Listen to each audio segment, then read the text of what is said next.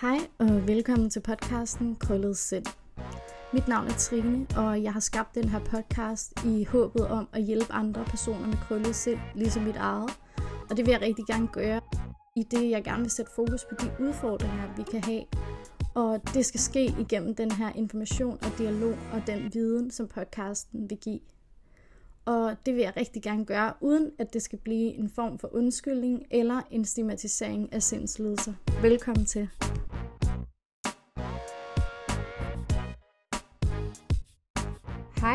Og velkommen til det tredje afsnit.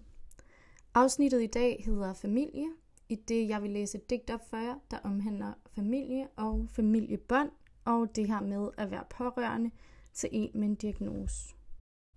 Digtet i dag hedder Familie, og det kommer her. En familie i splid. En juletid med hjerte og flid. Støjende sind, som aldrig lukker ned. Et samfunds eksistens. En kritikers essens. Essensen af at passe ind. Essensen af at stå af. Stå ud af mængden og være til. Råbe højt om alt det, der ikke er flinkt. Skabe uro i vaner – hos folk, der træder hvileløst rundt i de samme baner. Baner så tunge som sneflager, der blot bliver skabt for at smelte sammen. Når mørket falder på, og jeg sunder mig, drømmer jeg om alt det, der var. Og mit unge pigesind, hvor kærlighed var større end smerte, med et hjerte, der stadig kunne mærke.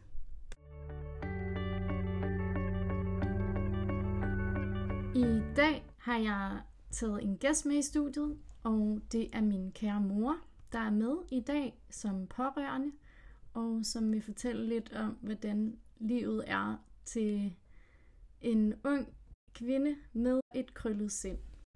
Hej mor, og velkommen til.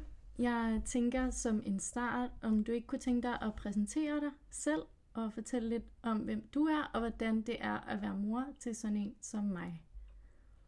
Jo, jeg hedder Tina, og jeg er 61 år, og jeg fik uh, Trine i 1996.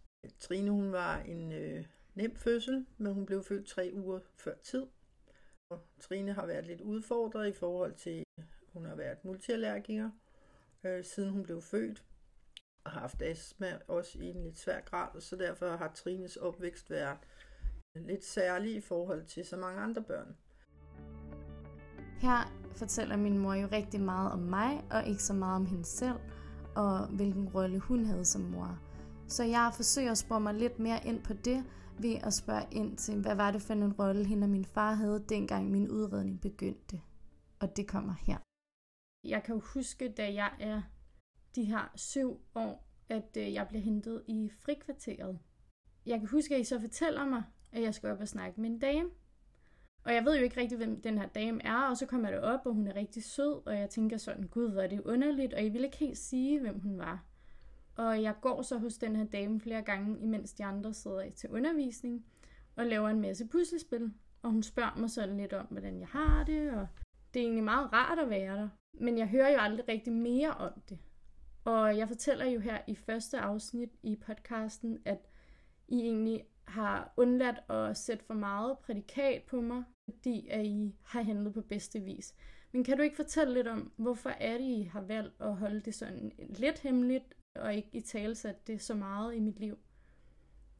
Dels fordi, at du var multiallergiker og havde astma og var meget på hospitalet, og vi syntes, at, at hvis du skulle have flere udfordringer, hvad det angik, fordi du følte dig lidt anderledes i forhold til dine allergier, for hele tiden, der skulle tages virkelig hensyn til det, og du var allergiker i en meget svær grad.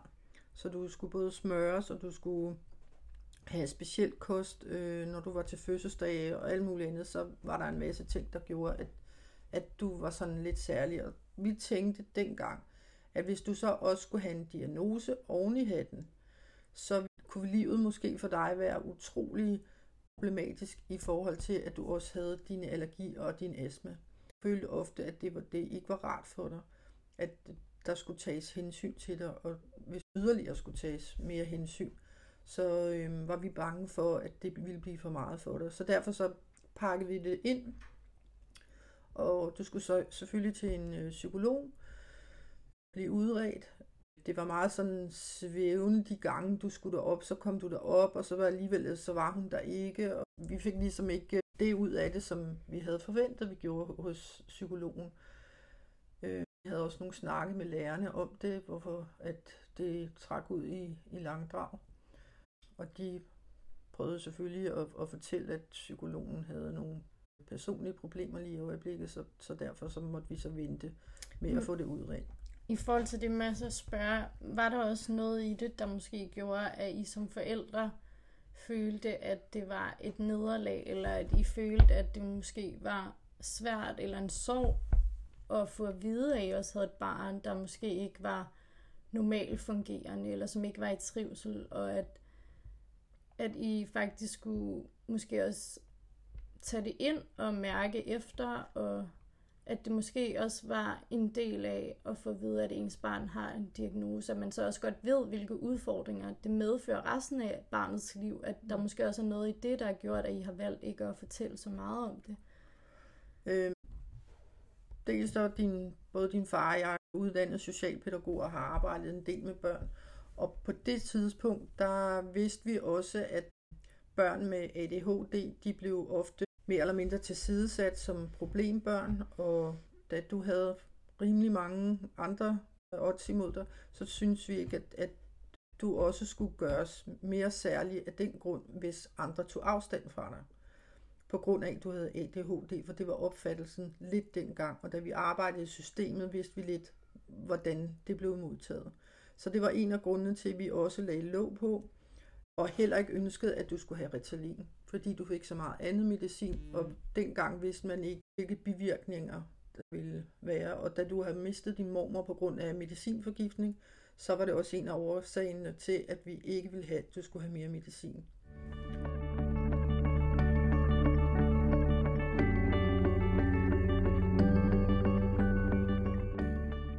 Jeg har jo søgt agtindsigt i min journal, efter jeg flyttede hjemmefra, så kom du jo med en bunke papirer om alle mine allergier og astma og eksem og bevillinger og alt muligt sjovt. Og deri der lå der jo også sådan en lille kort epikrise fra en neurolog, hvor der stod diagnose, forstyrrelse og opmærksomhed. Hvor der stod sådan noget meget tvetydigt, og det var jo det her, jeg så sendte ind til min skole for at få mere tid til eksamen, fordi jeg altid tænkte, jeg har sgu egentlig også svært ved at at koncentrere mig til eksamen, og jeg synes aldrig, der er nok tid. Og så havde jeg en klassekammerat, som også fik mere tid til eksamen, som anbefalede mig at prøve at søge om det. Og så tænkte jeg, om det er jo noget med, at jeg har en diagnose, og jeg ved egentlig ikke helt, hvad det, hvor meget jeg har, og jeg har egentlig altid bare fået at vide, at jeg havde lidt en snart af noget ADD. Men det var ikke noget, der havde større betydning. Og det er jo også ofte noget, jeg har fået at vide, når jeg har haft det svært, dengang jeg var teenager, hvor jeg var i puberteten, og i forvejen, så føler man sig jo sindssygt underlig, når man er teenager, fordi man ikke ved, hvem man selv er, og man ændrer sig og ændrer kropsform. Og... Så jeg har jo tit, når du har prøvet at nå ind til mig og fortælle mig, at jeg ikke altid har været ligesom alle andre, så har jeg jo tit skubbet det væk. Men jeg kunne jo rigtig godt tænke mig at høre, fordi efter jeg får indsigt i den her journal, kan jeg jo læse, at jeg faktisk er et barn, der ikke er i trivsel. Jeg ikke har det godt at det både gælder i skolen, men at det også omhandler de børn, jeg leger med på vejen, som trækker sig fra mig. Måske også er lidt ensom barn, uden jeg måske selv er klar over det. Jeg måske bliver misforstået rigtig meget, fordi at jeg har den her diagnose. Og det er jo noget, jeg i dag godt kan se, og jeg kan godt huske, hvordan jeg havde det som barn, og jeg kan også stadig have den følelse jo, når man fungerer anderledes op i hjernen. Men jeg kunne jo rigtig godt tænke mig at høre, det må jo også have været voldsomt som forældre at sidde med så mange fagpersoner, særligt når man selv arbejder inden for samme område. Og også i forhold til den tid. Der måske også er lidt en fordom om, at de her børn, problembørn med damp, at det jo ofte også kan skyldes øh, dårlig opdragelse. Og der tænker jeg bare, om der måske også er noget der i, som forældre har måske har været bange for, at folk har dømt jer som forældre at det måske også er en af årsagerne til, at I ikke har gået for meget i detaljer med det, eller ikke har været en årsagsforklaring i min barndom til, hvorfor jeg var, som jeg var nogle gange. Er der noget i det der med, at man måske også som forældre lige skal sluge, at ens barn har fået en diagnose, og at, At man Jeg er tror- bange for, at nogen vil dømme en. Jeg tror, i vores, øh, din fars og min situation, der handlede det også meget om, at vi begge to var socialpædagoger, og vi havde en bred viden omkring det at arbejde med børn, som havde de problemer. Lærer og pædagoger, det er sådan meget op til os, at vi havde den erfaring.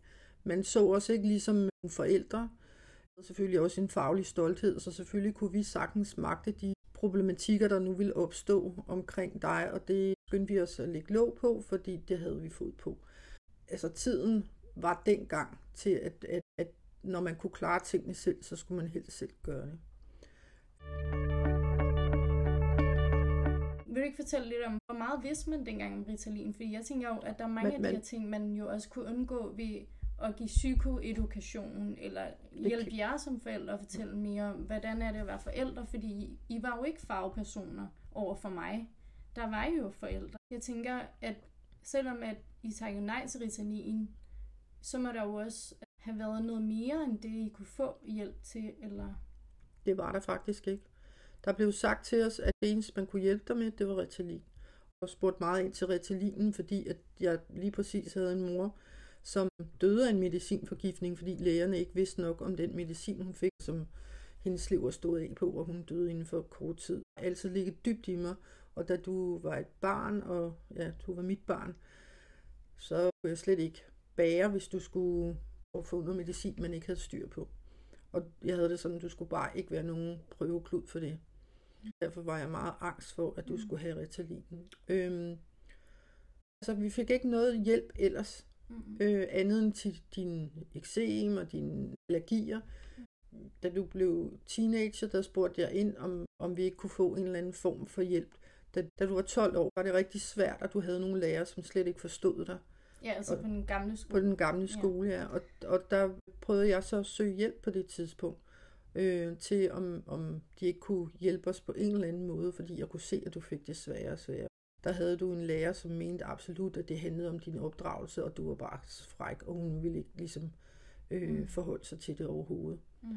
Og det blev for meget for dig, Mm. og det blev for meget for mig. Mm. Så det endte med, at jeg prøvede at søge andre veje for at få noget hjælp til dig. Mm. Mm. Øh, og så fandt jeg ud af, at der var en skole, hvor de øh, tog børn med idræts, ja, idrætsudøvere, som øh, kunne være en del af eliten. Så, så og der fik du så noget ekstra øh, træning i forhold til gymnastik og så videre. Og det tænkte jeg, det kunne i hvert fald være med til at hjælpe dig.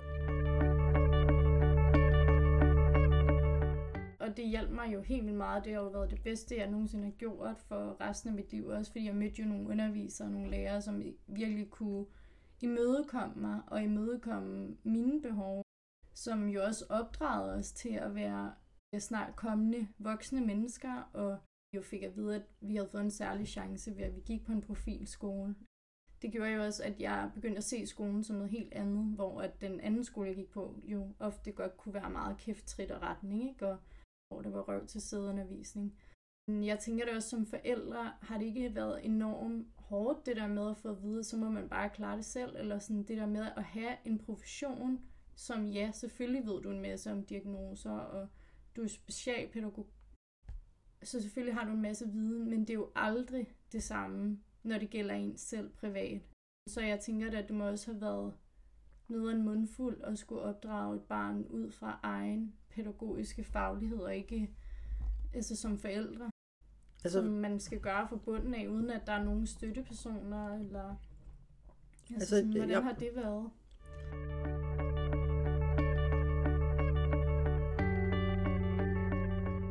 Det, har været, det har været rigtig svært, fordi du har været øh, et barn, som har været meget inde under- huden på mig, fordi du har haft øh, de udfordringer, du har haft, altså, hvor jeg har tilsidesat alt, og det har været mine børn, der har været i fokus. Havde jeg ikke så mange andre frirum, andet end at hele mit liv handlede meget om jer, ikke? Mm. og specielt dig, Mm. fordi du havde det svært. Så Mm. når jeg ser tilbage i bagspejlet, har det jo virkelig været Mm. hårdt, ikke? Og nogle gange, altså, kan jeg tænke, jamen, jeg gik bare i seng, når klokken var ni, for så kunne jeg ikke mere. Mm. Selvfølgelig har det kostet noget på kontoen i forhold til familier, der ikke er, har, altså, vi kunne ikke bare tage ud og være en familie, og så en masse ting på en gang, fordi det skulle ligesom planlægges, og der skulle ligesom være øh, struktur på, så til sidst har det også været for mig, øh, at det har været svært at ligesom at bare være mig selv nu. Mm. Og jeg er ikke forpligtet til noget som helst, øh, fordi mit liv har altid været øh, meget planlagt og meget struktureret, mm. for at jeg ligesom kunne rumme de ting, som der nu skulle rummes i forhold til at have tre børn og, og have en datter som dig, som har haft øh, nogle, nogle udfordringer, der ville noget. Mm. Og det har dine søskende selvfølgelig også. Ja, bestemt. Det gør de jo stadig for, også. døde for, ikke? Jo.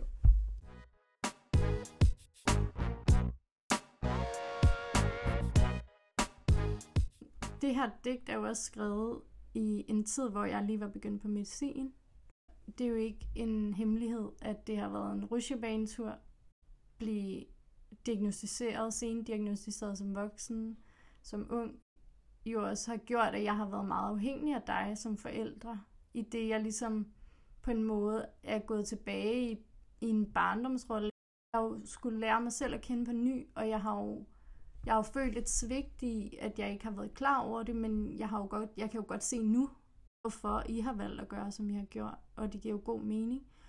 Men derfor så føler man jo alligevel, at der er en del af en selv, man ikke kender til, og som man skal lære at kende på ny. Og der har jeg måske været meget barnlig, eller jeg har, været, jeg har gået lidt tilbage i en børnerolle i det, jeg har skulle finde ud af, når, hvad var det, der skete dengang, og Hvorfor var det, I gjorde, som I gjorde? Hvorfor var der ikke nogen fagpersoner, der gjorde noget mere? Alt det har jo også gjort, at sådan, jeg har jeg har jo også prøvet noget forskellig medicin og været i forskellige øh, udredningsprogrammer, både privat og offentligt.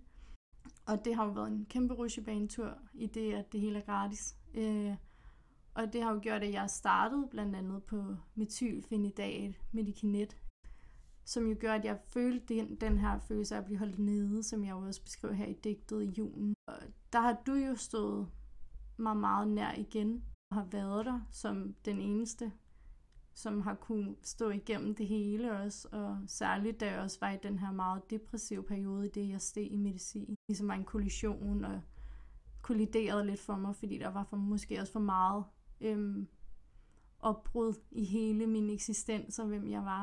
Hvordan har det været? Altså sådan stå ved siden af som mor til en voksen og, og mærke, at ens barn øh, er igennem en eksistentiel krise, og der er depressive perioder, og skrål og skrig, og skyld og gråd. Hvordan har det været at være forældre og skulle stå igen med så mange udfordringer, når du har et voksen barn?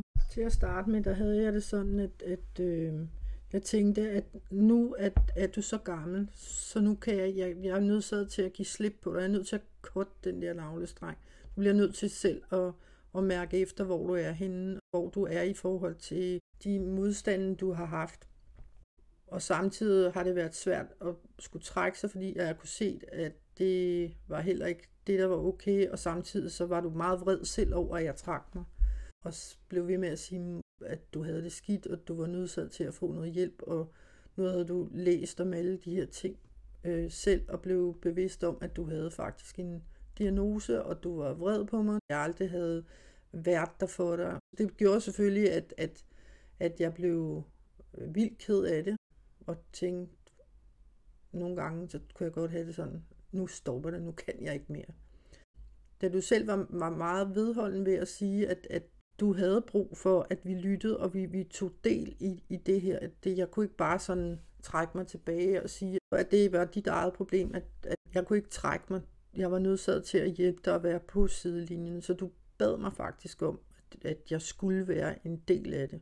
Og så øh, kunne jeg mærke, at det var jeg selvfølgelig nødsaget til. Men det var, det var også svært.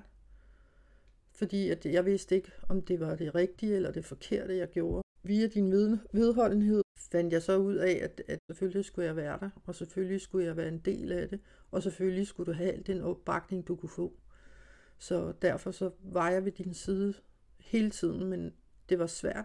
Mm. Fordi jeg ikke fik noget, noget hjælp, jeg fik ikke noget råd, jeg spurgte min læge.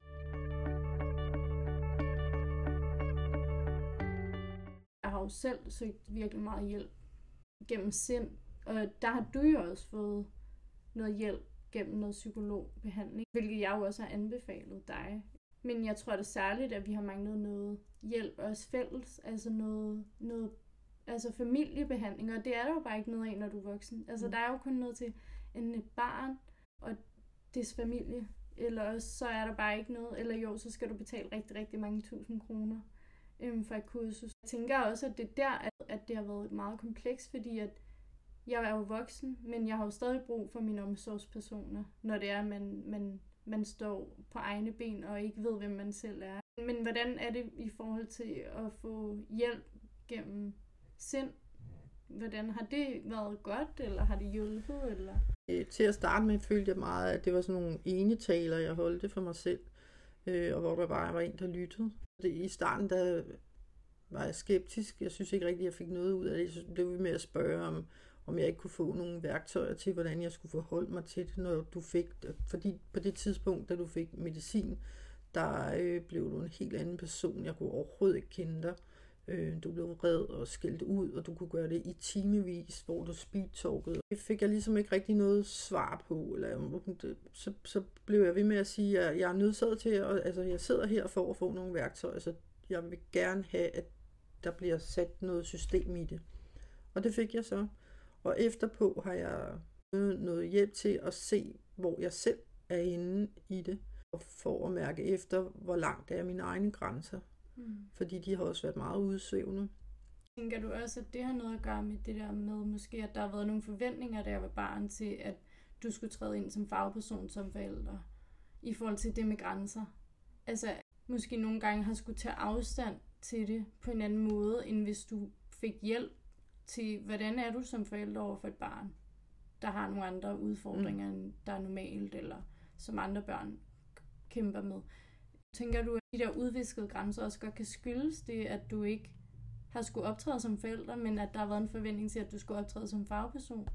Både ja og nej. Altså jeg har, i nogle henseender har jeg jo ageret som forælder også, fordi at, at jeg er kun et menneske, og når man har et barn, der knaller døre i konstant og hele tiden, og flyner konstant ud, så har man også en grænse. Så på et tidspunkt, der har jeg, jeg har virkelig følt, at, at det har hængt meget på mig, det jeg skulle sætte de rammer og de grænser. Og det har selvfølgelig været hårdt, fordi jeg også tvivlet på mig selv, og ikke mm. vidst, om det har været rigtigt. Og det er noget andet, når dine egne følelser er med ind over. Mm. Men tænker du ikke også, der er noget i, at, at alle de her... Fordi det har jo været meget konfliktfyldt, altid, mm. i min barndom, mm. og også som mor mm. har det jo også været hårdt at skulle have så mange konflikter hele tiden. Men jeg tænker da også, at alle de her konflikter har jo skyldes, at jeg måske ikke er blevet forstået ud fra en diagnose. At jeg er blevet sat de samme krav til mig, som der er til mange andre børn eller mine søskende. Og dem har jeg jo tit ikke kunnet indordne mig efter. Og det er jo der, jeg så har fået nogle gange skæld ud, eller at jeg har fået at vide, at jeg skulle dæmpe mig, eller jeg skulle lægge låg på nogle af de følelser, jeg havde. Og jeg kan jo se nu, at der er blevet sat nogle gange nogle for høje krav til mig, og det er jo derfor, at der også nogle gange har været de her konflikter. Så jeg tænker også, at der er måske noget i, at du igen som menneske skulle leve op til virkelig mange roller og et meget stort ansvar, som har gjort, at du måske også nogle gange har handlet i et måske en, som en fagperson vil gøre i en institution, men at jeg måske har haft brug for noget andet. Selvfølgelig har jeg det. Altså indimellem har jeg tænkt, nej, nu bliver jeg nødt til at gå ind og agere som fagperson, som man gjorde dengang. Mm. Hvor man da heldigvis er blevet klogere ved ikke at have alle de stramme rammer, som der har, har været. Men mm. samtidig har jeg også kunne se, at du, du agerede bedst i de rammer. Mm. Ud fra mit udsagn. Men hvis der havde været andre øjne på, så kan det være, at det mm. havde udviklet sig anderledes. Jeg tænker i hvert fald, nu læser jeg jo selv til speciallæger, og der får vi jo også en masse specialpædagogik, vi bliver undervist i. Og der tænker jeg jo også, at, at der engang var rigtig stram pædagogik i forhold til, at det var jo tit barnet, der ikke kunne indordne sig efter rammerne, i stedet for at man kunne udvide rammerne også. Der er jo også noget i, at man som barn med udfordringer og diagnoser ofte er på overarbejde, når man er i skole. Og når man så kommer hjem, så har man nogle gange brug for at kunne slappe 100% af, og at der faktisk ingen krav bliver stillet. Og der tænker jeg jo, at der har I nok tænkt det meget som fagperson, at der skulle I stille de her krav for at at ikke at miste mig fuldstændig til min dovenhed, eller øh, min ustrukturelle tilgang til livet som teenager, sådan, hvor at jeg nogle gange godt kunne have følt, at, at I har været måske lidt hårde. At jeg nogle gange har været så træt, at jeg faktisk ikke kunne klare de krav, der er blevet sat.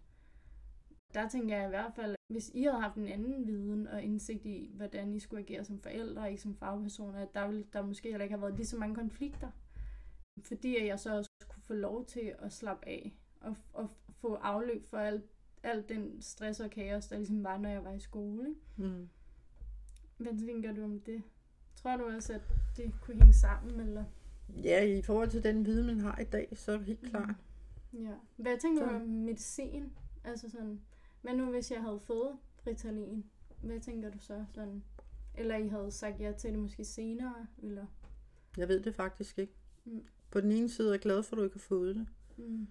Fordi det har også gjort, at, at du har fået andre mediciner, som måske ikke har kunne kommunikere med Ritalinen, og som måske har gjort, at du har haft nogle andre øh, problemer i dine unge år. Og det er der, man skal udvikles. Det er der, der, hvor det er meget vigtigt, at man ikke er udsat for medicamenter, som gør, at man påvirker både hjernen og Mm. også Når andre er organer. færdigudviklet, Ja.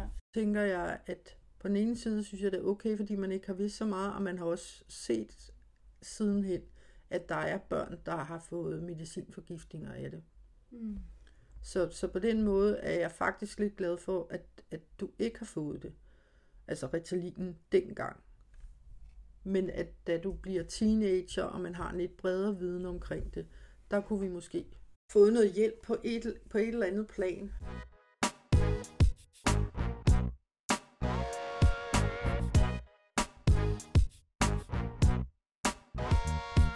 Det var jo lidt om, hvordan det var dengang i forhold til medicin. Og i dag får jeg jo medicin, og jeg får jo Elvangs, og så er jeg faktisk også lige startet på intonin øhm, som jo er med til også at regulere ens følelser øhm, i forhold til den her meget impulsive følelsesregulering, man har med ADHD. Så jeg kunne rigtig godt tænke mig at høre som pårørende eller som min mor, jamen, hvordan oplever du nu, at jeg er som menneske eller som din datter med medicin? Hvad synes du, den gør ved mig, og synes du, den fungerer, eller? Lige nu her, inden for de sidste, er det tre måneder, passer det ikke meget godt, Ja. der er det gået rigtig, rigtig, rigtig godt. Men inden da, inden man inden kom nogle ordentlige mennesker til, hvis man kan sige det sådan, øh, psykiater, der, der har taget dig alvorligt, og en læge, der har forstået langt om længe, hvad det er, du har været op imod. I starten, der kunne jeg overhovedet ikke kende dig. Altså, jeg fik mit tykke Ja, jeg kunne Mm. overhovedet ikke kende dig. Du, det var, det ene øjeblik var du glad, det næste øjeblik var du meget, meget aggressiv og vred. Mm. Jeg har set dig vred og frustreret og sådan noget, men slet ikke i den dimension, det var. Hvordan synes du sådan, ens øh, støtte som pårørende er i forhold til, når ens barn får medicin? Det er jo ikke en hemmelighed, at det var et kæmpe kaos i starten af min medicinopstart, og at jeg selv forsøgte at klare det, og jeg forsøgte selv at spørge ind til, om det var normalt at have det sådan og sådan. Også gik øh, fra 40 mg til 60, som var en kæmpe optrapning, som jo gjorde, at jeg blev enormt depressiv. Hvordan føler du, at det har været som pårørende at stå på sidelinjen, og også i forhold til hjælp? Føler du, at du har fået den viden om medicinen, som du skulle have, eller hvordan har det været? Det synes jeg ikke, jeg har fået. Jeg synes ikke, vi har fået den hjælp, som vi egentlig burde. Altså, jeg synes, det handlede mere om, om nogle penge, der ligesom skulle ind i en kasse hos psykiateren. Det var en sygeplejerske, der sad og vurderede, hvordan og hvorledes tingene de, øh, skulle fungere. Ja, det var også et stort ansvar for Og sygeplejersken. det havde jeg det ikke jeg. ret, nej, ja, Mhm. lige præcis, men det havde jeg Ja. det ikke ret godt med. Nej. Jeg synes, det var ubehageligt, og, øh, og også se, at du kunne svinge for, at, til at have en total anden personlighed, mm. hvor det egentlig skulle hjælpe dig. Mm. Det var, det var meget skræmmende. Så hvad kunne du, altså hvis du skulle sige som forælder, hvad kunne du så godt have tænkt dig, at der var mere fokus på, eller hvordan kunne du godt tænke dig at få hjælp? Selvom jeg er voksen eller ung, så Så skal der absolut nogen til, der, der ikke scorer penge på systemet, eller på mennesker, der har det øh, skidt og dårligt. Jeg kunne godt have tænkt mig, at vi havde fået noget, først noget psykologhjælp, og fandt ud af, hvad vi havde brug, hvad du havde brug for at hjælpe, at det var en psykiater, der så skulle til, og så at du fik en samlet pakke og noget terapi også, fordi det har også i forhold til pårørende, jeg har lige så meget brug for at få noget vejledning og finde ud af, hvor kan jeg gå hen, hvordan skal jeg gøre det. Øh, det jeg får nu, det vil jeg ikke engang sige er optimalt. Altså det er jo ikke uddannet personale, og jeg har en pædagogløn, og en pædagogløn, den strækker desværre ikke særlig langt i dag. Vi kan ikke betale os ud af det. Jeg synes ikke, det er okay, at, at man har et system, der er så ringe, som det nu er. Fordi det er det.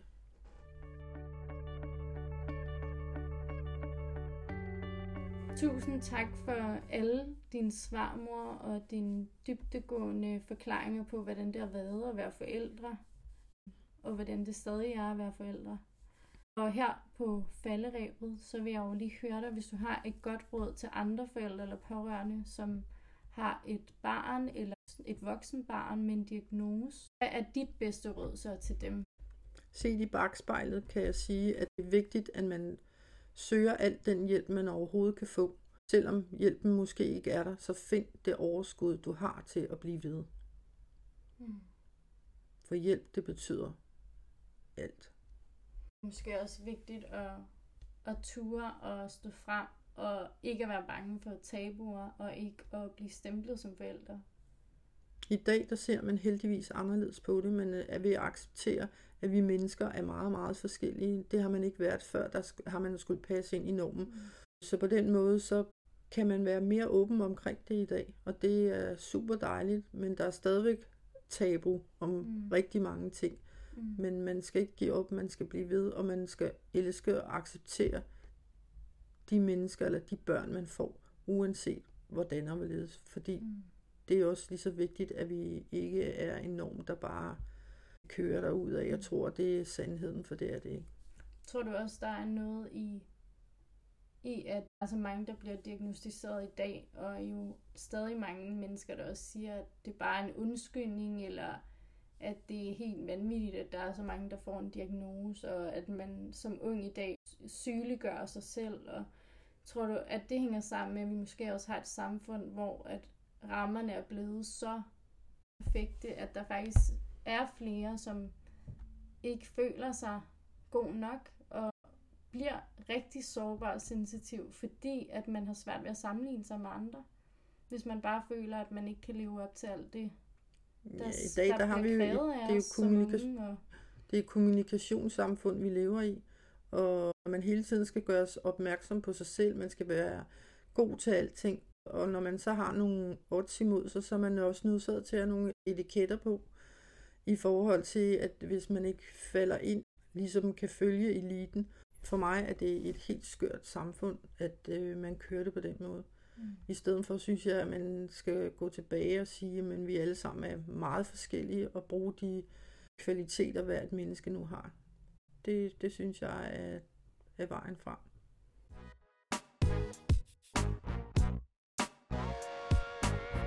Det var de meget kloge ord for min mamma. Hun er ikke helt dum. jeg vil bare sige tusind tak, fordi at du var med i dag, og tak fordi du gad at være en del af podcasten. Og ja, så håber jeg jo, at der er nogle andre pårørende, der kan bruge det derude. Har det været okay at være med i dag? Ja, håber jeg, at jeg har kunne hjælpe nogen med det. Det er jeg helt sikker på, at du kan. Tak til jer derude, der lytter med sagt, så håber vi, at øh, det kan hjælpe nogen at høre den her snak.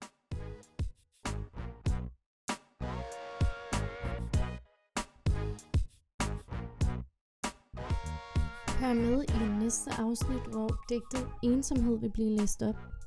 Og hvis du sidder og tænker, hold da op nogle tunge digte, så lover jeg dig, at de nok skal blive mere opløftende. Men som sagt er det en proces, og derfor så kan de godt være lidt tunge. Det var alt, jeg havde til jer i dag i podcasten Krøllet Sind. Ha' det rigtig godt, indtil vi ses igen, og pas på hinanden derude.